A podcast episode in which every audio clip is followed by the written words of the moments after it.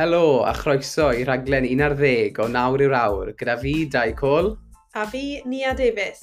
So, Dai, bys ti ar tledu neithwr? Do, bys i uh, lan yn studio Tynopolis yn Llanelli yn uh, siarad ar hyn o Esbydorec. Joyous i gael mas draw. O'n i'n uh, da Dafydd Wyn a, a Mari Grig a nath nhw fi'n teimlo'n uh, cyffyrddus dros ben. Um, Fi'n i'n siarad am y cotsols mm -hmm. a'r byddigoliaeth lan fyna. Ac hefyd um, y raglen, y, po y podlais nwy nawr i'r awr. Ac hefyd ai yma'n yma Cona, a siwt mae hwnna wedi cael ei, pam mae wedi cael ei gohirio de. A wedodd um, Daf bod e'n gryndo ar y podcast, so helo Daf, shout out fach i ti os y ti'n gryndo ar hwn. Do, e, e, oedd e wedi bod, dim gweud celwy, oedd e chwaith. Oedd e'n dod e? Oedd e, e wedi. Beth ti'n testo fe? Do, wel, oedd e gwybodaeth e, hyn. Eitha, da i fod yn deg iddo. O, oh, gwyd, da iawn. So, um, wel, newyddion mowr sydd wedi bod wel, dros Twitter i gyd heddi dau yw newyddion am y Tôr de France. Dwi'n gwneud wrthyn ni diwna? Do, so lawr bore yma a dechrau gwaith, check o Twitter, Geraint Thomas a Chris Froome Wedi cael ei... beth ti'n neud bob bore pan ti'n dechrau gwaith, ti'n checo Twitter, neu cyn just, gwaith. Just cyn gwaith, just cyn gwaith, i bo'n deg. Dath hwnna mas yn wrong, dyma. just, just cyn dechrau gwaith, de. A'r newyddion dod lan fel breaking news ar ar y ffôn sy'n mynd i ddod bore yma de, oedd Geraint Thomas a Chris Froome wedi cael ei gadl mas o tîm Unios am, am Tôd y Ffrans. Wedd hwnna'n tipyn o sioc. Sa'n meddwl, falle o'n nhw'n disgwyl bod Chris Froome yn ei cael ei gadl mas achos gath ei anaf llunau ar ôl damwain eitha, eitha wael ar, ar y beic de. Dwi dwi ffom e heb bod cystal lenni, ond oedd e'n tipyn o sioc i ni gyd darllen bod, bod Geraint wedi cael ei um, adael mas o'r tîm am, am, am y tor da. Do, dwi'n credu, ti'n modd, so safon Geraint wedi bod cystal lenni a mae fe wedi bod yn y gorffennol, ond yn aml, ti yn gweld gyda'r seiclwyr yma, bod nhw yn adeiladu fel bod y season yn mynd mlaen, a maen nhw'n pico yn, yn yr event iawn. A obviously, mm. mae'r Tôr de France yn, yn, yn, tair wythnos, ynddi? So mae'n anodd falle i, i cymharu um, event sy'n cwpl o diwrnodau, fel sydd wedi bod, yn erbyn event sy'n sy, tair wythnos. A dwi'n credu mae'n anodd i gredu bod tîm unio sydd wedi gadael mas rhywun sydd wedi bod mewn pob tor ers 2012 a sydd wedi ennill yn 2018.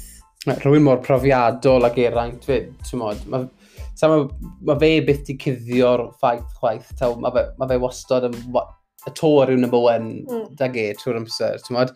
Uh, ni wedi dilyn geraint ers blynydde, mae'r ddoen wedi darllen i ddifurau e. Uh, Um, bu o'n i lan yn, yn Cyrdydd yn gwylio gen, neud fel question and answer, no, mm. noswaith lan fy ni. Um, a mae fe wastod yn gweud taw'r Tôr de France, mae moyn mynd nôl a ennill. A oedd e'n siomedig o be fi, o be fi, fi meddwl bersonol o bod e'n eitha siomedig de. Um, ond mae fe wedi cael ei pigo nawr fel, fel lead um, rhaid yr tîm unio sy'n fynd am, am y giro, a sy'n Cymro beth wedi ennill y giro.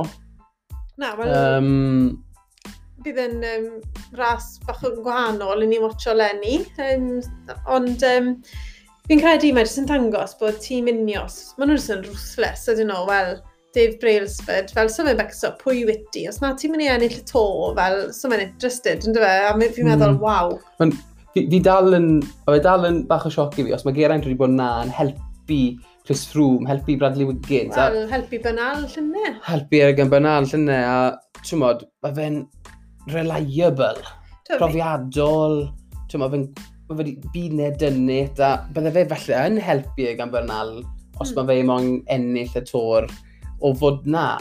So mae fe'n eitha big move a big statement da, da ti'n mynd os fi'n meddwl sa'n i edrych ar y dyddiadau yn iawn, ond falle bod y giro a'r tôn yn agos iawn i gili lenni, sa'n siŵr, ond bydd yn tre... To, mae Geraint, wedi cael bach o anlwc yn y giro o'r blaen, dwi'n jyst gobeithio geith e ddim yr un anlwc lenni, achos bydd hwnna'n real siom iddo fe. Ond dwi'n credu, oh, ni'n biased, obviously ni'n biased, mae Geraint yn Cymro, um, ond o glywed beth, beth wedodd e pan mathon ni watcha fe'n Cardydd, dwi'n credu, wel, Dwi'n mynd i gweud bod rwy'n cael bach o cam yn unios, achos dwi'n beth rwy'n cael y cyfle i fod yn leader yn, yr, yn y to. Y blwyddyn yn illo dde, wedi rhaid i fe sort of batlo gyda Chris Froome. A fi'n meddwl oedd e dal second fiddle oedd e pryn ni. Yeah. Oedd e ddim yn admito bod e'n second fiddle, ond os oedd na penderfyniad i cael ei wneud, ffrwm neu Geraint, oedd penod yn ei lyfr e yn gweud, mm. dwi'n aros yn... On yn gwesti yn, yn ffraig noswedd cyn y ras, yn trefeili rownd, a dim ond un neu conditioning mm. oedd ei gael na. A ffrwm, a ffrwm gath e. Ffrwm gath e. Mm. A os bydde, pan bydde nhw'n gwneud y time trial events, os bydde Geraint wedi cael flat puncture, bydde nhw ddim wedi aros i Geraint, ond os bydde ffrwm wedi cael puncture, bydde nhw wedi aros iddo fe. So, oedd e, e dal yn second fiddle pryn ni fyd, ti'n modd? A wedyn y blwyddyn ar ôl ni, goffodd e um, siario'r leadership gyda Bernal. So, ti'n dwi'n credu bod e bach yn anheg, bod e ddim wedi cael un blwyddyn lle fe wedi yn cael pob un i weithio drosto fe. Ond na fe... Mm, ond dangos y dyfnder sydd â tîm unios.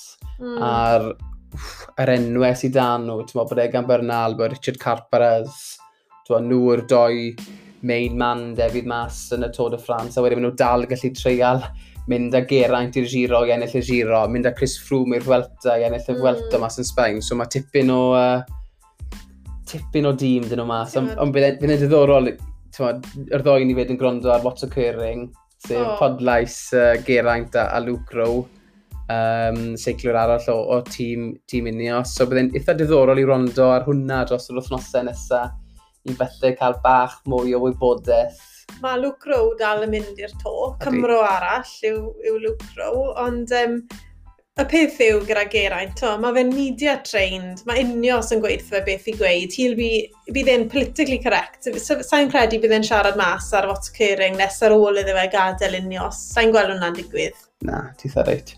Fydde fe ethaf gwrdd os fydde fe. O, joia ni os fydde fe. Achos, so nhw'n dal yn ôl ar y podcast na, fel wrthos, dechrau wrthos ma, dwi'n credu, oedd episod newi gyda nhw yn siarad y fyty'r um, crash fi oedd yn Tour of Poland yn ddiweddar a siarad byty fel mae'r UCI ddim yn neud, ddim yn, neud yn siŵr bod y rasis yn saff mm. de. Oedd example arall o ryw ras arall lle nhw wedi hala nhw mynd trwy twnnel tywyll a wedd Geraint a Luke a fi wedi gweld Luke yn twito actually wrthos ma to yn byti ryw ras arall lle wedd e ddim yn saff. Mm. So, hmm. so nhw, so nhw dala nôl ond yn credu bydd Geraint yn cadw'n dywel. Lle nes... geith, geith ei arfodi felly. I Carwyn Dywel, ie, mm. ie. Ond, so gen i'n the most cheerful character anyway, ie. Yeah. Ond on dwi'n credu bod ti'n gallu gweld o beth mae fe wedi rhoi mas ar social media heddi, bod e ddim yn impressed iawn. Ffasiomedig. So, mae canodd o, o pobl yn cystadlu yn y Tôr de France, i cael y person enillodd dwy mlynedd yn ôl, ddim hyd yn oed yn na. Even even os nad i'n golygu ennill, y ffaith bod e ddim yn mynd i fod na o gwbl, dwi'n ffeindio hwnna'n anodd, ond mae'r ma lenni mynd i fod yn anomaly yn dea, mae'n blwyddyn odian. Pinnacle road cyclist yw fod yn y Tôr de France ar diwedd, yeah. ar diwedd y dydd. Ti'n Wedd e digon da i fod na'n 2012, 13, 14, pan oedd e ddim yn mynd i ennill, so mae'n anodd i credu nawr bod e bod nhw'n meddwl bod wedi mynd lawr gymaint â ni, ond, well, I suppose dim na beth maen nhw'n trial e- gweud. Os yn illydd ar y giro, fi'n siŵr bod gwein ar y wyneb. Wel, bydd, ond fi'n credu os yn llyfr giro, bydd e hefyd yn rhoi bus canol o'n union, yeah. so gweud, ie, yeah, wel, dylen ni wedi bod yn dyngen Ffrainc, fyd. Mlaen, anyway. mlaen, mlaen i'r rhaglen heddi, a na beth sa'n i chi heddi yw y cwestiwn fwy o poblogaidd i ni wedi cael wrth ein gwrandawyr yw wrth pobl sy'n dechrau trethlo, neu fe yeah, Mae pobl, lot o bobl wedi cysylltu gyda ni yn gofyn i ni beth yw ein tips ni i pobl sy'n dechrau. So, le, le ni'n dechrau da hwnna, yeah. achos mae fe'n ma fe topic mor fawr, allan ni'n mynd mlaen, ymlaen, ymlaen. So, heddi, ni'n mynd i siarad yn byty kit yn unig. A ein profiadau ni trwy, trwy wneud triathlon dros y 7-8 mlynedd diwetha, o pwy cip ni wedi defnyddio, beth ni wedi ffindio'n dda, beth ni wedi ffindio'n useless, a ni'n mynd i ni fynd trwyddo nhw yn, yn yr order o nofio, seiclo a rhedeg de.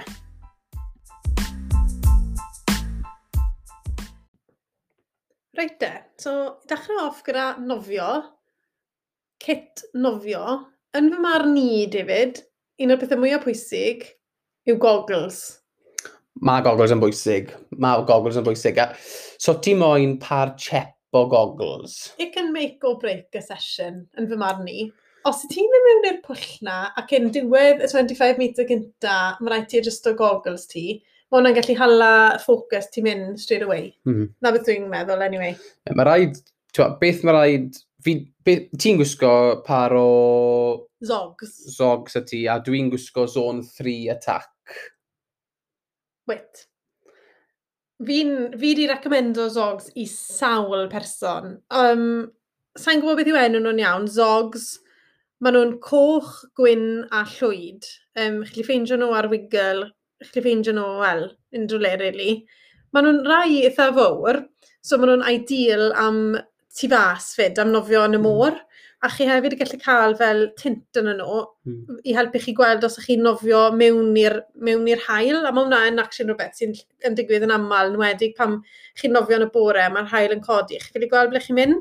So ar yna bydde ni'n recomendo, ond ti'n... Ti... I fi, mae rai fi gwyb, fi yn ambassador i Zone 3, mm. so, ond sy'n sy nhw'n sponsor raglen mas, a sy'n rai fi weid bod nhw'n briliant, ond nhw yw'r par o'r goggles gorau fi wedi defnyddio hyd yn hyn. Um, fi prynes nhw am y cotsols de, cwpl o thnosau yn ôl, um, a maen nhw'n ffito. Un o'r, pan chi'n cael par o goggles, ond yn bwysau eithaf, oh, they're fitting quite right. Ddim yn ffito ar yngwyneb i, ond oedd, oedd rein yn berffaith. Mm -hmm. Oedd, um, mae ma nice polarised um, lens. lens dyn nhw. So nhw'n eitha da, achos oedd y, oedd y, oedd y tywydd yn, yn braf yn y cotsols, oedd y hoel yn codi, a ffeindio sy'n ddim yn problem. Nhw ddim yn stîm o lan, mm -hmm. a mwy bwysig ni, ddim yn gillwn. so byddwn ni'n... Ie, yeah, mae goggles yn bwysig. Felly bydd rhaid chi'n mynd trwyddo cwpl o parau i weld pwy rai sy'n... Wel ie, yeah. peidwch, um, peidwch a dalan ôl ar y goggles. Os ydych chi'n mynd i fod nofio cwbl o weithiau'r wythnos, wedyn yeah. prynwch par teidi o goggles. Allwch chi, allwch chi bigo par teidi dan i gen pint. Ie. Yeah ugen... Ie, yeah, beth i ugen pint yn credu dwi'n talu am rai fi. Lan i'r wetsuit. Wetsuit, ie. Yeah. Wel, sa'i meddwl bod rhaid i chi prynu wetsuit drud. So fe'n mynd i wneud gwmynt â na o wyniaeth i nofio chi ar diwedd y dydd. Sa'i meddwl beth y ti'n meddwl? Fi di bod trwyddo sawl wetsuit. Wit. Um, Ti'n cael blingyn ripo nhw, na fam? I bod onest, sa'i'n cael lot o look da wetsuits. Fi'n dod nôl i transition, ar ôl yn ofio, a fi'n cymaint o fris i cael y wetsuit off. Mae wedi digwydd cwpl o weithiau le fi'n fi wedi benni lan yn, yn rhwygo'r wetsuit e, tro bod fi'n tynnu nhw off. Ti'n rhi wyllt. fi mewn gormod o fris achos sa'n nofio'r cryf a fi yeah. si mynd trwy transition mor gloi fi gallu yeah. a mas ar y beic na i trio cael ei bach dala, dala cwbl o bobl lan. Ond fi'n cytuno na ti ni a sa'n sa teimlo fel gyda'r holl wetsuit fi wedi treial, a fi wedi trial hwb, um, sailfish, um, zone 3, orca, sa'n gweld lot o gwaniaeth. Yn y nofio. A sa'n meddwl bod fi'n eistedd fan hyn a gweud, honestly, os chi'n cael y wetsuit ma, mae fe'n mynd i neud chi'n troi chi, troi, mewn, troi chi mewn i Michael Phelps dros nos. Wel, so fyddi digwydd i ni to, anyway. Na, na. A, wel, dechreuais i off gyda hwb, i'n eitha basic. Fi'n cofio prynes i fe yn y um, naillai, chymryd y sales amser nadolig, Black Friday sales, fi'n gwneud, gwneud January sales, achos neb yn prynu wetsuit amser na'r blwyddyn, so mae hwnna'n tip bach falle i prynu pethau out of Black season. Black Friday deal gysdi. Ie. Yeah. A oedd yr wetsuit na'n briliant, un, um, to, un fel entry level hwb mm. wedd e, a oedd loads o buoyancy yna fe, a mae hwnna'n big help. Os ych chi jyst yn dechrau nofio, wel un o'r problemau i ni'n cael yw bod coesau ni'n synco, A mae hwn yn cadw chi lan, a mae fe'n cadw position chi'n gwrdd i nofio. Um, Fi'n meddwl hwnna yw'n tip, tip fi de, beth i'r nofio fwyaf yw, os ewch chi nofio'n um, y pwll nofio, a bod chi jyst yn gwisgo par o speedos, mm -hmm. fe ffindiwch chi'n aml bod eich coesau chi fel beginner yn nofio yn cwmpo tipyn sy'n achosi lot o drag wedyn. Unwaith rodwch chi par o beth mae pobl yn galw cheat shorts mlaen, neu par neu wetsuit gyda lot o buoyancy, bod yna'n mynd i codi'ch penol, mm -hmm. lan yn uchel, mm. codi'ch coesau lan yn uchel, so swch chi'n mynd i cael y drag na.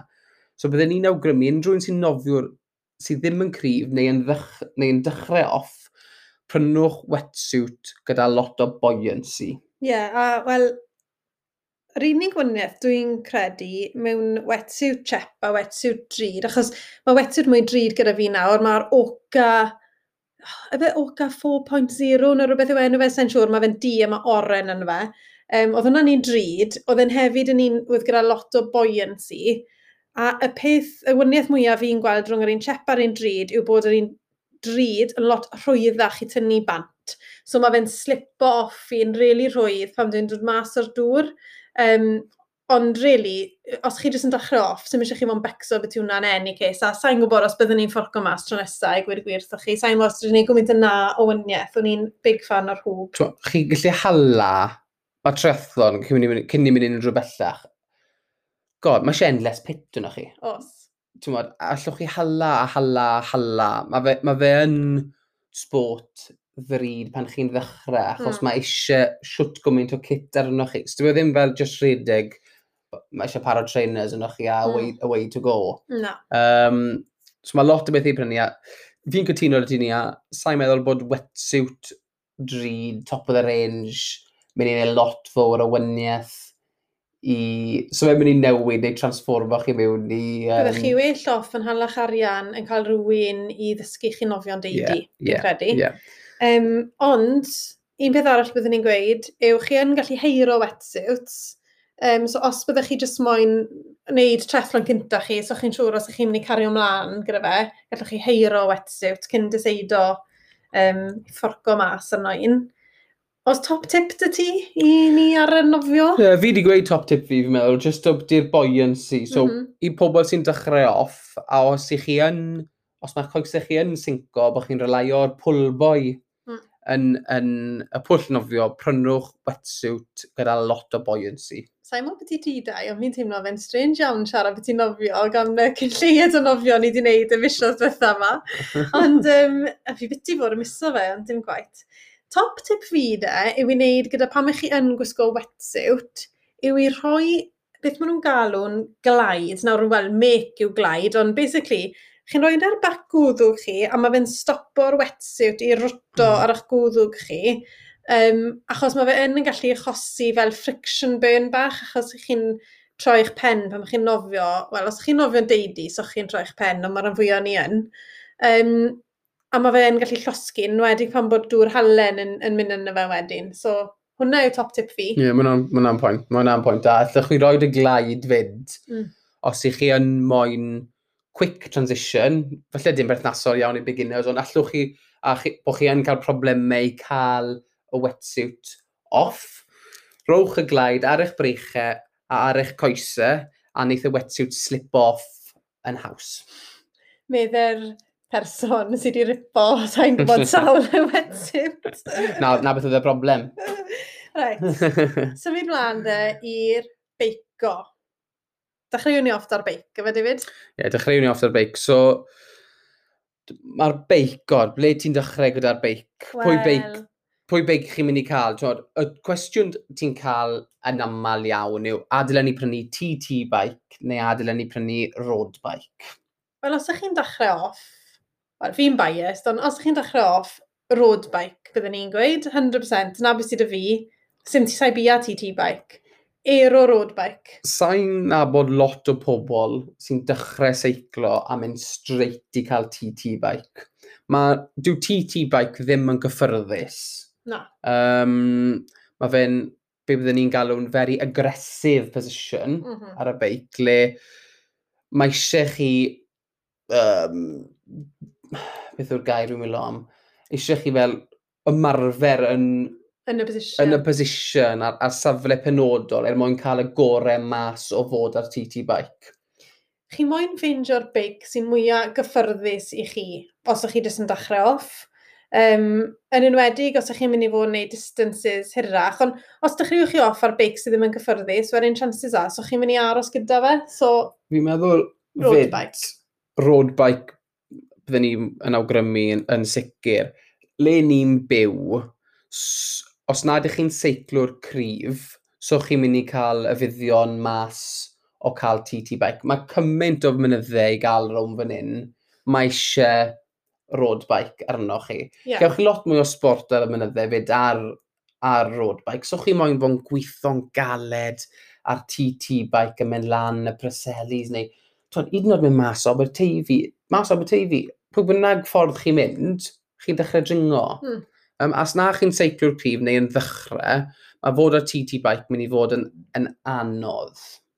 Dwi'n ti'n gyda'n oes? Dwi'n gyda'n Dechreuais i off ar Pendleton Initial Road Bike o Peggy. Halfords, ie, yeah, Pe Peggy fenw fe, o Halfords, byddi hi, o, oh, ges i fe ar offer, ond oedd e'n byddi oh, 200 pound, a nes i Tod y Sien yn fe, 50 miler, a nes i tan dros y mynydd 35 miles arno fe, so sy'n mi fan eisiau yn really drud yno chi um, i dechrau da, a wedyn upgradeus i i Live Envy road bike. Aero road bike. Aero road bike, a ers ni, so dwi wedi bod yn seiclo'r sawl blynedd nawr, dwi wedi or road bike gyda TT Buzz ar y ffrynt, a...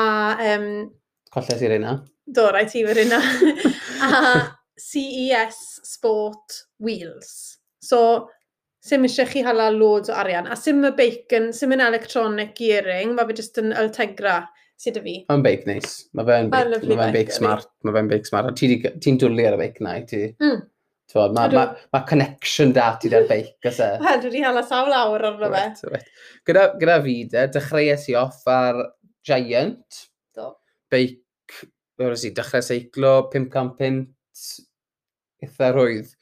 Nes i blwyddyn gyntaf yn trethon nes i sawl cystadleuaeth yna, Llanelli Sprint, um, Broadhaven, nes i'r full long course weekend dros cant o filltirodd, a the rownd i werddon dy fi, um, pan BS i ar trip da'r da boes yn, tymod, so mae wedi... Mm. O'n i yn, oedd hwnna'n ideal i cael fi mewn i seiclo, a cyn i mewn Wales wedyn, y blwyddyn gyntaf, nes i upgrade o i, um, o'r beia, sef Aero Road Bike unwaith eto, rhywun beth a beth oedd ni, a jyst i gweud roedd i par o um, TT bars ar, ar y beic. A do hwnna gath i rownd I'm Aware flwyddyn cynta. Falle dylen ni gweud beth, beth yw TT bars. Meddeiwch ni, achos ni wedi bod yn neud e mor hir nawr, ond TT bars yw sorwyniaeth rhwng road bike a TT bike yw bod TT bike chi'n lle bod mwy aerodynamic. Chi, mae bars yn canol y beic, chi'n lle pwyso arno a dala chi'n na'n yn really eisiau lawr i'r beic fel bod llai o gwynt yn bwrw chi. So chi'n gallu prynu bars sydd yn debyg i rai sy'r TT, ba TT bike a chi'n gallu atatio nhw i handle bars road bike, ond chi'n gallu tynnu nhw on and off. So mae, mae best of both worlds da chi fyna wedyn, mae road bike da chi a mae sort of semi-TT bike gyda yeah. chi. A chwa weithiau, fi wedi gweld pobl da positioning cystal ar road bike a si ar TT bikes, achos mae lot o bobl eisiau TT bikes ma, a so nhw'n cael y benefit mas yn nhw anyway. Yeah, os, os nad yw eich position chi, neu'r safle chi ar y TT bike yn aerodynamic, so chi'n cael y buddion mas o fe. Sy'n pwynt yn chi brynu fe pwynt diddorol fyd, yr un chi gwyliodd uh, y 70.3 World Championships yn Nice llynau, wedd yn nillwr y ras ar road bike. Oedd, a o'n i'n delighted rhwng clywes sy'n na, achos fi wastad yn cael fel y battle ma da fi hunan, a dylen ni prynu TT bike, a dylen ni prynu TT bike, ond pan weles i'r boi na'n ennill y World Championships ar road bike, jyst yn dangos, os diw'r cwrs lan y lawr, sim mantis ych chi na. fod ar TT bike. Na. Un peth byddwn ni'n gweud, fi'n meddwl ond i effeithio mwy arna i na arno ti, ond chi moyn fod yn gyffyrddus ar y beic, yn enwedig os ych chi'n mynd i fod yn hala sawl awr arno fe. So mae'r sadl yn bwysig, so ni'n siarad biti biti pethau dwi wedi newid ar y beic. Dwi hefyd wedi newid y sadl. Tales i dros cam pint am y sadl o'r enw ISM, M for Mother, um, maen nhw'n boblogaidd iawn i dynion a menwod, a maen nhw um, wedi cael eu designo gyda pishin ar goll yn y canol a ar y ffrynt. So chi'n eistedd basically ar edge y sadl, um, a mae hefyd y bib shorts yn bwysig yn fy marn i. Y mas o'r kit i gyd ar y beic, i chi'n gwisgo y shorts sy'n mwyaf pwysig, byddwn ni'n gweud. Byddwn ni'n byddwn ni'n cytuno ni a gweud, os ych chi'n mynd i hala bach o arian a, a, oeddi e'n werth mynd o falle talu 50 pint am par o bib shorts neu falle mynd am par fel o raffa bib shorts felly le eich chi'n i'n talu campint. Um, fi'n gweld gwyniaeth mowr um, yn y quality um, par, par really neis o bib shorts. So, fi'n hala oriau'r wythnos pob um, to, pob diwrnod ar... Sawl awr per wythnos ti'n hala ar y beic, David? deg yn rhoedd. Beth am ti wrthos diwetha? Nes ti wrthos fawr ar y beic? Wrthos diwetha, hales i ti a... Nes i 250 o felltirodd, 260 o felltirodd. Um, ie, yeah, con i fyna... 13 awr. 13 awr. So, ti'n modd, so chi moyn penol dost. Na. Os ydych chi'n teiglo diwrnod ar ôl, diwrnod ar ôl, diwrnod, mae cael par neis, gyffyrddus, mm. gyda padding, Um, sy'n siwto chi. Sy'n siwto chi yn neud, yn neud gwyniaeth. So... Sa i beth i hala campint ar par o shorts, ond dwi wedi hala beth i 50-60 pounds. Dwi'n mwy o cardi na dau falle. Byddwn... Ond um, na, fi'n credu bod e'n syniad da. A byddwn ni'n gweud hefyd, um, trwch y pad, so it's not, dwi e ddim wastad the thicker the better.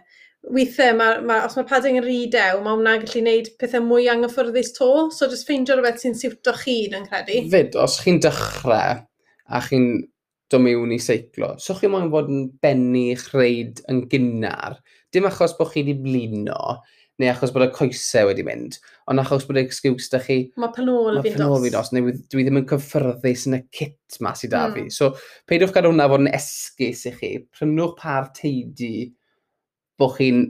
Chi, pan chi'n mas yn, i, i seiclo, bod chi'n oh, bo chi teimlo'n dda a'n edrych yn dda. Ond un peth byddwn ni'n gweud fyd, mae fe yn gwella fel chi'n mynd ymlaen. So falle bydd pan o'ch chi'n dost i dechrau da, ond y mwy chi'n seiclo, mm. y mwy byddwch chi'n dod arfer dy fe. So be with it. Mae lot o bobl hefyd yn sain yn bersonol yn neud hwn, ond mae lot o bobl yn defnyddio cream. Uh, siamwa. Siamwa. Uh, fi'n fi dibynnu yna fe. Ti'n dibynnu arna fe. So falle hwnna yn un o top tips yeah, ni. Fi yn dibynnu yna fe i stopo chiffing ar y... Ie, yeah, chi'n gallu cael... Ar y, ar y nipples a hefyd ar, uh, ar y penol. Ar y penol. So mae hwnna'n um, rhywbeth i fi'n dibynnu arno. Mae fe'n gweithio. Mae fe'n debyg i vaseline, rhywun sort of effaith. Oce, okay, so, doi peth dwi'n mynd i gweud nawr, sa'n credu bod eisiau chi hala lot o arian arno. Jerseys. Yn wedig fel short sleeve jerseys mewn mas yn y haf. So chi'n...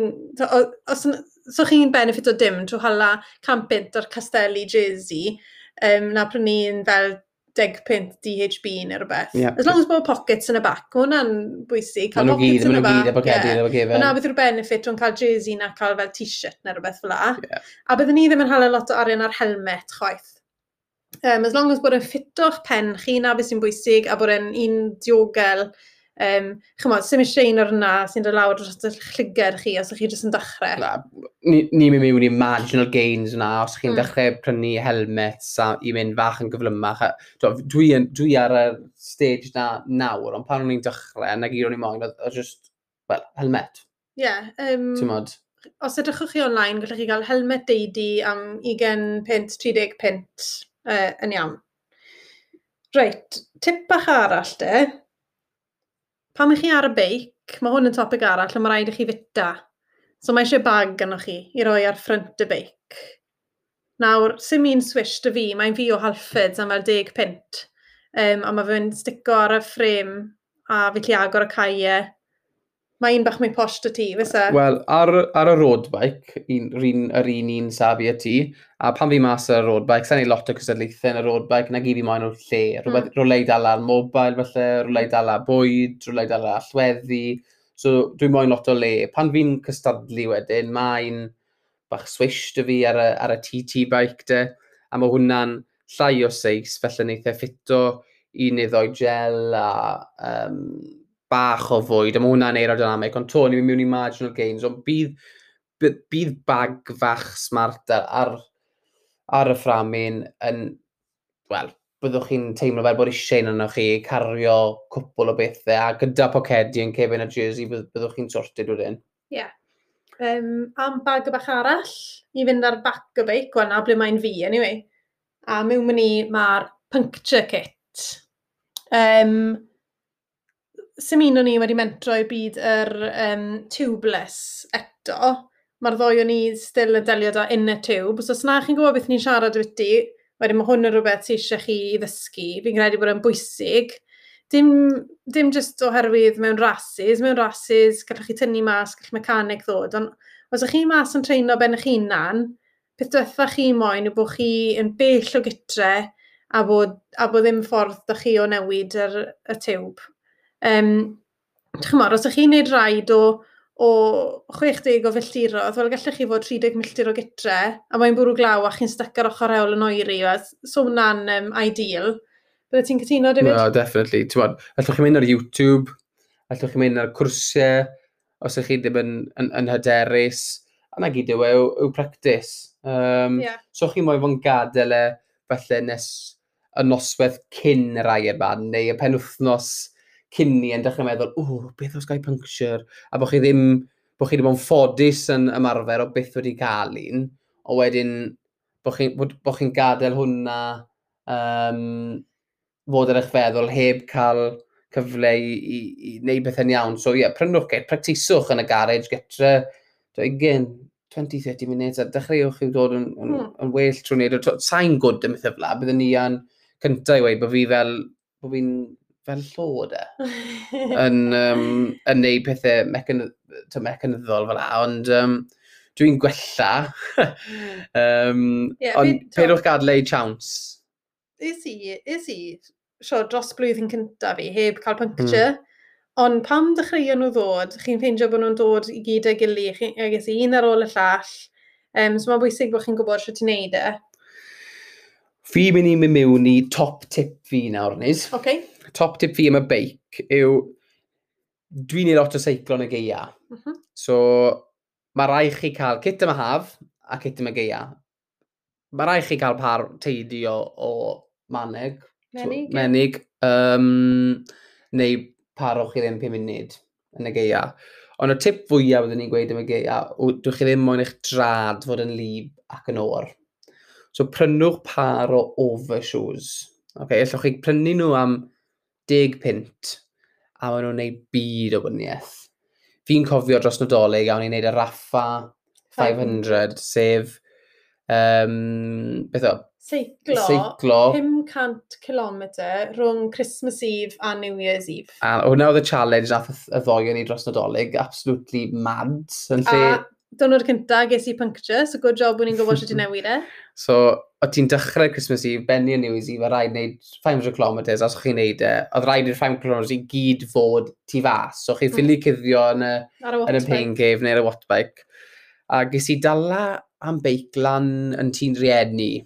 Um, dim da kit addas, ond i'n meddwl, mae eisiau fi'n meddwl mas, achos twar, yn y gweithio mas tua 40 milltir o dydd. So o'n i'n meddwl, os ai ddim mas heddi, fi'n mynd i fod tu ôl schedule fan hyn. Yeah ddim overshoes da fi, a, oh, wel, syffres i dy fe. Dy fe nis. So ti'n gwyd yn oer fel O'n i'n nôl fan hyn am oriau ar ôl ni. O'n i'n wyn fel siden, ond drad i fel blociau iach. so, ie, yeah, prynwch par overshoes a maen nhw'n gwneud byd o wydiaeth i ddim i ysgoi'r yeah. uh, trad o'r yna. Same ar overshoes. A siarad beth i overshoes, un peth ni'n anghofio gweud yw, os ych chi'n dechrau seiclo, mae fe werth i upgradeio mas o'r trainers a mewn mm. i'r clip-on shoes. So chi wedi cael cycling shoes, chi goffa prynu pedal special lle mae'r siw yn ffito straight mewn i'r pedal. Mae hwn yn helpu chi pan chi'n seiclo, chi hefyd yn gallu tynnu lan ar y pedal hefyd a, a pwysio lawr ar y pedal. So mae'n helpu chi da seiclo chi mae pob un yn cael problem ar y dechrau lle chi'n cwmpo achos o'ch chi wedi clipo mas. Fi still yn neud yn nawr, pethynod, wel, beth sy'n beth i cwmpo, beth i three times mas ar y beic achos o loads o traffic lights. A o'n i'n gweud i ni nawr, for God's sake ni a, ti'n gwneud ai yma, ti'n dyn nhw'n at y gili. Ond um, mae'n un o'r pethau yna sy'n dod gyda amser. Gewch chi gyd ffôl bach ar y dechrau, a mae fe'n... Uh, le chi'n ddim yn disgwyl, mae'n y most unexpected of places, felly, ar junction neu... Ble oedd y tre gyda cwmpas di yn clipin shoes ti? Um, Ti'n modd wrth mynd o rhwng Cysell Nowy a Llandysil, yeah. a mae fel junction ar ffordd nôl fyna, o'n i just i stopo, a oedd hi'n mynd yn dda, o'n i wedi gwneud trod, 20, dros 20 o filltiroedd yn dechrau, o'n i'n meddwl, oh, beth yw'r pobl, beth yw'r ffes mae pobl yn gweud, beth ti'n mynd i gwmpo pan ti ar y... Ol, yn sydyn, ti'n ynghofio beth ti'n clipdyn, a mae fe fel bod e'n slow motion, a ti'n meddwl, o, o, ti'n gwybod beth ti'n mynd, o, ti'n ti ffili wneud i fi di fytia, so hwnna oedd fi'n gyntaf i fi, so fe'n neud dolen, mae just, ti'n teimlo fel bach o idiot. Ti'n teimlo fel idiot, ti'n wedi gosod fel car tu ôl. Ti'n codi lan a meddwl, o, gobeithio bod neb wedi weld fi. Lle gynta cwmpus i uh, gyda clip-in shoes fi, oedd reit i fas y tŷ fan hyn, ta o'n i wedi gwneud y whole ride yn meddwl, mae eisiau fi yn clipo, tod, yn clipo cyn y junctions, a wedyn ti'n cyrraedd gytre, ti'n meddwl, oh good, I've made it. And that was it. Clipus i un trod, Ond tries i roi'r trod arall lawr a na ble wyn ni ar y llawr. Trefo'n clever clogs. O'n i'n treol fo'n clever clogs, wyn. Un beth dwi'n mwyn gweud, gweud fyd, beth i bike mechanic. Hmm. Um, pan chi'n dechrau, mae wastod yn dda i cael rhywun, lle chi'n dibynnu arno, um, achos fe, fe dewch chi ar hyd cwpl o problemau gyda'r gyda, gyda beics, le felly byddwch chi ffili sorto fe'ch hunan. So, ewch i rywun le, le llwch chi trysto, byddwn ni'n argrymell, JT, um, Bicycle Services, Jason Thomas, ni siarad beth i fenna yn y raglen ni. Fe bydd yn noddi'r uh, e, episod yma hefyd, ond sy'n mynd i gofyn i ni gweud y pisyn ma, ni'n gwybod beth mae fe fel, pan chi'n dechrau off, sy'n un o'n ni yn gwybod lot y beth i beics, chi'n teimlo bach yn sili, weithiau mae pobl yn trafod cymeru mantis mm. o chi, mae hwnna wedi digwydd i fi o'r blaen, lle mae pobl yn trafod ripa mi off, Um, ond mae fe'n rhywun i ni'n really yn trysto. Boi teg. Boi teg. A mae'n dda. Mae'n absolutely brilliant. Top tip fi pan mae'n dod i kit seiclo yw Aldi. Ie. Yeah. y siop fwyd Aldi. A dyw Tom Jones ddim wedi wedi byd beth i hwn iddi, ydy e? Na, mae Tom Jones yn traethletwr yn West Coast Triathlon, sef tîm triathlon ni, a fe yw manager Aldi na Aberteifi, so fe wedi talu fi gweud hwn. Ond Mae rai o'r cit dwi still yn defnyddio nawr yn cit prynes i yn Aldi pan dechreuais i seiclo. So mae jacket geia trwm dy fi. Yr un glas na fe? Ie, yr un fel ticwais lliw na. Dwi still yn iwso fe nawr. A mae gilet um, eitha twym dy fi fyd. Um, dwi wedi prynu yn Aldi a dwi still yn iwso hwnna nawr. So falle byddwn ni ddim yn prynu bib shorts na, ond unrhyw beth falle, twod, rhywbeth sydd jyst mynd i cadw ti'n dwym, prynwch e o Aldi. Fi hefyd wedi gweld yn Aldi, e, um, maen nhw'n gwerthu sunglasses sy'n mm. gwrdd achos i cadw mm. fel flies, gravel, tywydd drwg mas o llygar chi, chi probably moyn par o sunglasses neu glasses clir. Um, a maen nhw'n gwerthu mygoff, yeah. sef stwff chi liwso i glanhau, beic, a socks a menig. So, yeah. so chi byth gallu cael digon o socks. So dwi wedi prynu sawl par o Aldi. So na top tip fi yw sy'n rhaid i chi fforco mas ar popeth. Symud blaen de at y rhedeg, a mae rhaid i ddechrau da treinau, so sy'n twad a gall hwn fod yn pwnc neu rhaglen yn ei hunan pan uh, chi'n dechrau siarad ti trainers. Um, Dwi'n credu mae trainers yn peth bwysig. On... Peth bersonol iawn. Exactly. Allwn ni ddim gweud chi pwy trainers i wso, achos, wel, i gweud y gwir, so ni'n gwybod pwy trainers dylen ni fod yn iwso. Tymod, mae pob un nawr yn siarad beth i'r Nikes newi ma. Oh, tymod, a y trainers mae Elid Kipchoge yn gwisgo i wneud y sub marathon, marathon two hour marathon, a meddwl, ond dwi'n reina ddim yn siwto pawb.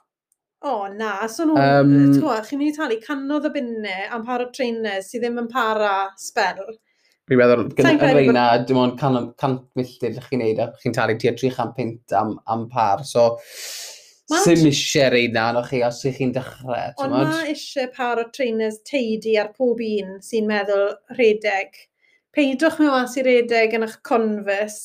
Ewch chi all running trainers teidi, a dim mynd rhyw fath o snobri yw hwn, ond ych chi'n mynd i wneud niwed eich hunan. Fel, gyda redeg, hwn mas o'r tri disciplin, hmm. redeg yw'r un sy'n fwyaf taxing ar y corff a sy'n mynd i achosi anafiadau i chi. Ie. Yeah. So, ych chi'n gallu mynd i siop, fi mo ma Nike yn neud e, mae Running Become yn neud e.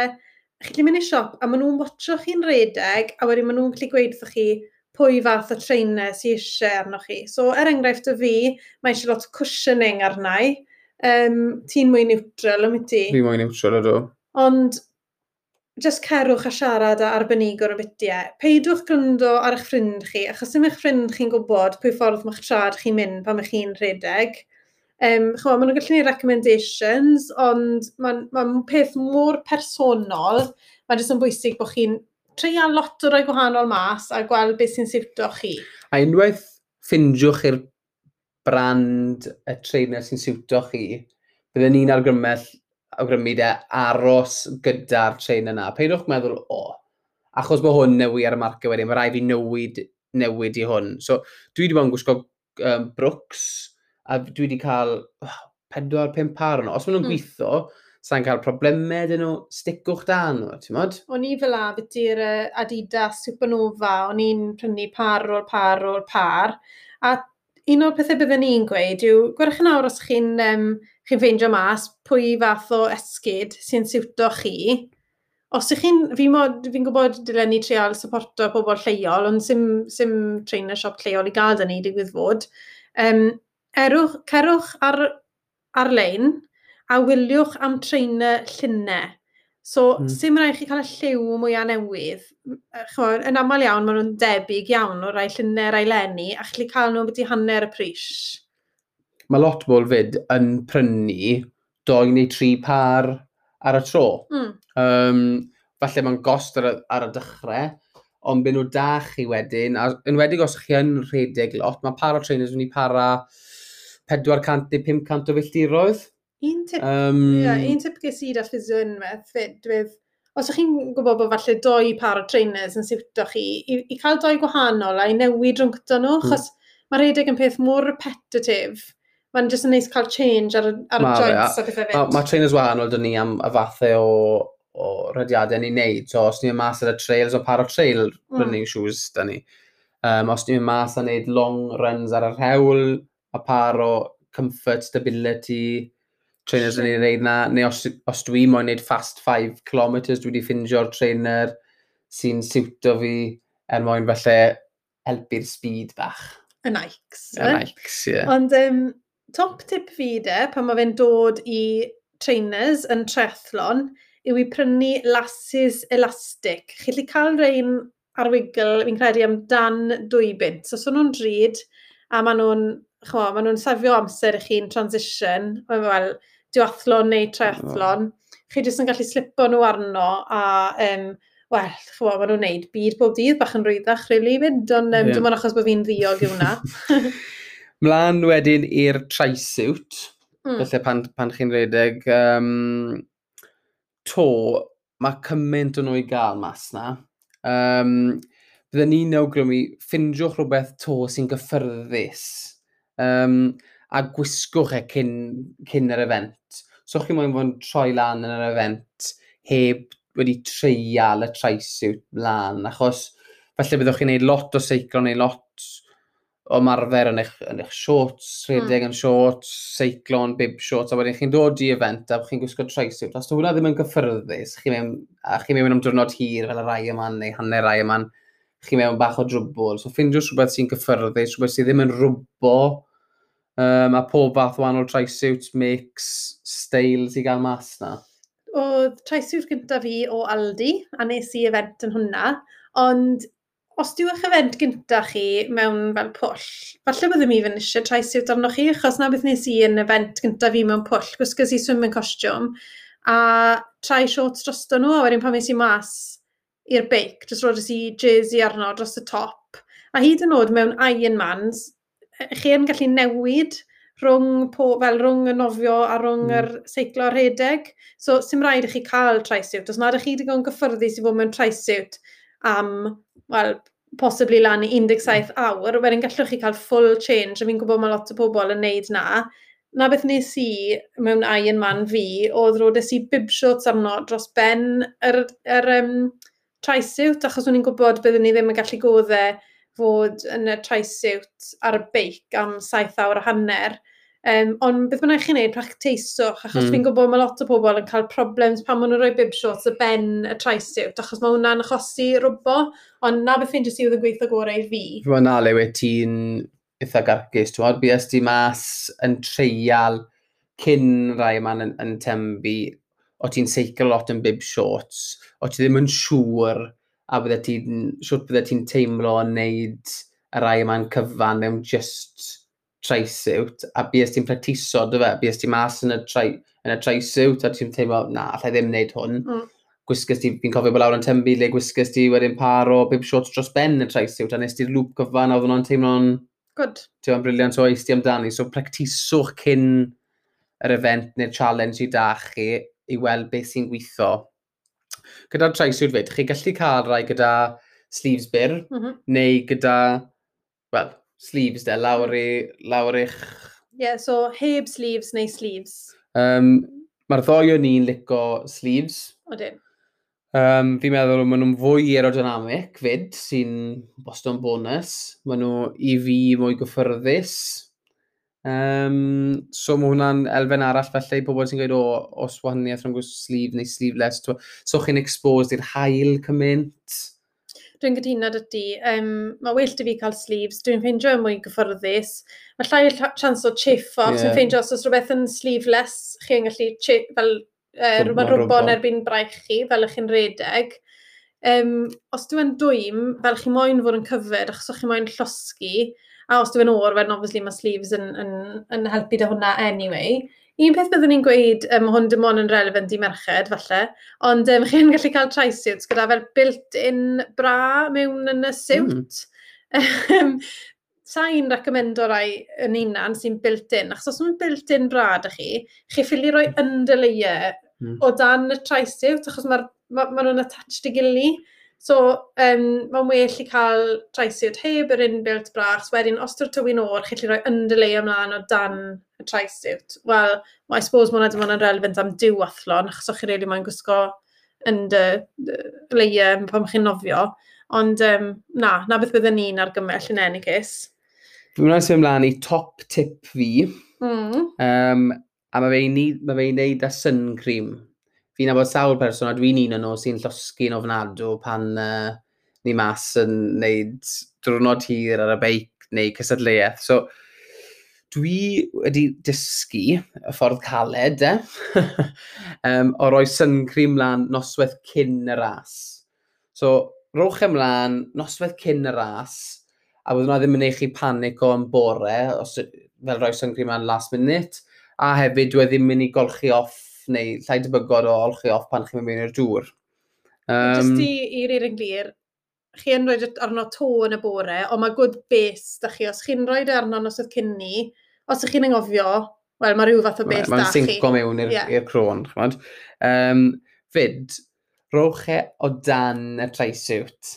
Achos pan buon ni mas yn, yn cosw, melde, yn cysadlu, a dim ond rhoi dy syncri ymlaen ar ymbreichau, ar coesau, yn gwyneb, ar ôl benni, oedd e mor dwym, oedd e wedi mynd trwy'r tyllau bach sydd ar y, y traeth. Oedd o'n i wedi losgi fy ni, o'n i'n edrych bach yn, yn sili gwyd, gwyd y lleia. So, Wel, a boenus. Ie, yeah, a boenus. So, rowch ei gi dros eich corff cyfan i ysgoi unrhyw broblemau.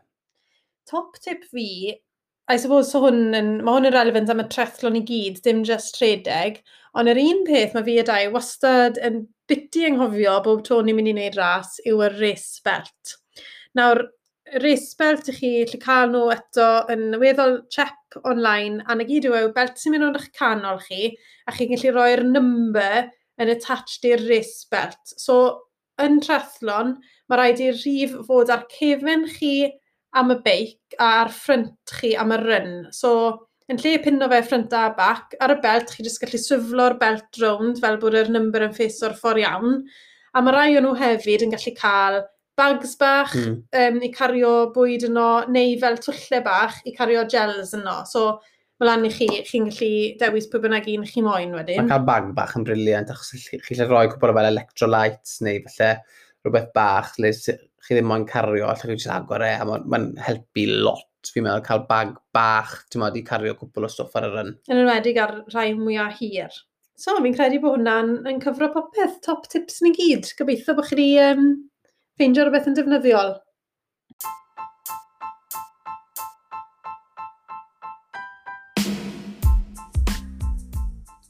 Nodded y raglen yma gan JT Bicycle Service and Repair.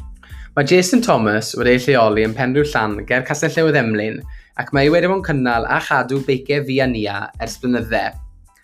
Mae wedi gweld nhw yn tipyn o chyflwr hefyd yr adegau yn ymwedig yr olau am yn coc yn iwerddon llynau, ond mae'r beics wastad yn dod ôl fel newi. Sa i byth yn teimlo'n sili yn gofyn unrhyw cwestiwn i Jason, ac mae wastad digon o amser dy fe i esbonio popeth.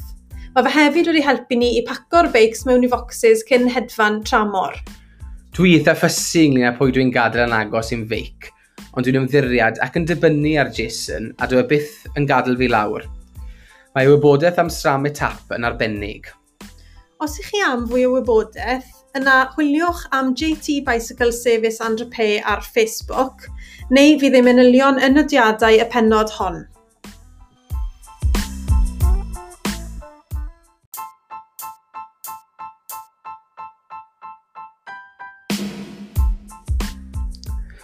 Os mae unrhyw beth i ni wedi anghofio codi neu unrhyw kit i ni ddim heb, heb siarad am, halwch neges ni ar Facebook neu Twitter neu, neu e-bost a allwn ni siarad beth fe beti, mewn mwy o manylion. Ie, um, yeah, so unrhyw top tips gyda chi, i ni ddim wedi gweud, wedi unrhyw gwybod i ni, a gallwn ni siario fe gyda yr, y beginners sy, sy mas na. Mae'n gweud diolch i chi am er, negeseuon chi wedi halad, tymod, syndod i ni faint o pobl oedd moyn gwybod am kit a siwt i ddechrau a beth i prynu a mae fe yn topic yn ei hunan. So fi'n gobeithio mae'r profiadau ni o defnyddio wahanol pethau a wneud cysadlaethau wedi bod yn bach o help neu fydd am defnyddio i chi yn, yn, yn y dyfodol. So, ni wedi cyfro kit yn yr, yn y penod ma. So, beth arall licech chi ni cyfro? Falle nutrition, beth ni'n bita cyn yn ystod neu ar ôl rhasys. um, ffordd i ni'n ymarfer, Rhasys, falle pwy rhasys i ni'n recomendo wneud.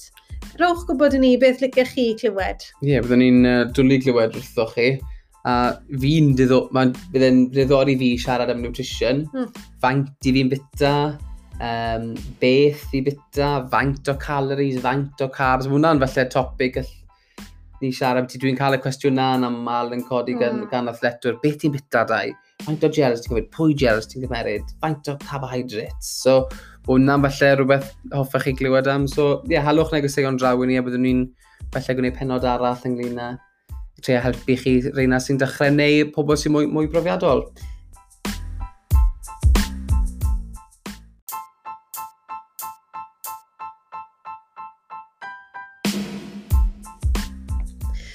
Diolch yn fawr i chi gyd am rando ar y rhaglen ma. Diolch yn fawr i'r noddwyr a diolch i chi rheini ohonoch sydd wedi cysylltu gyda ni gyda'ch cwestiynau nawr yw'r awr at hotmail.com neu ffeindiwch ni ar Facebook a Twitter. Diolch!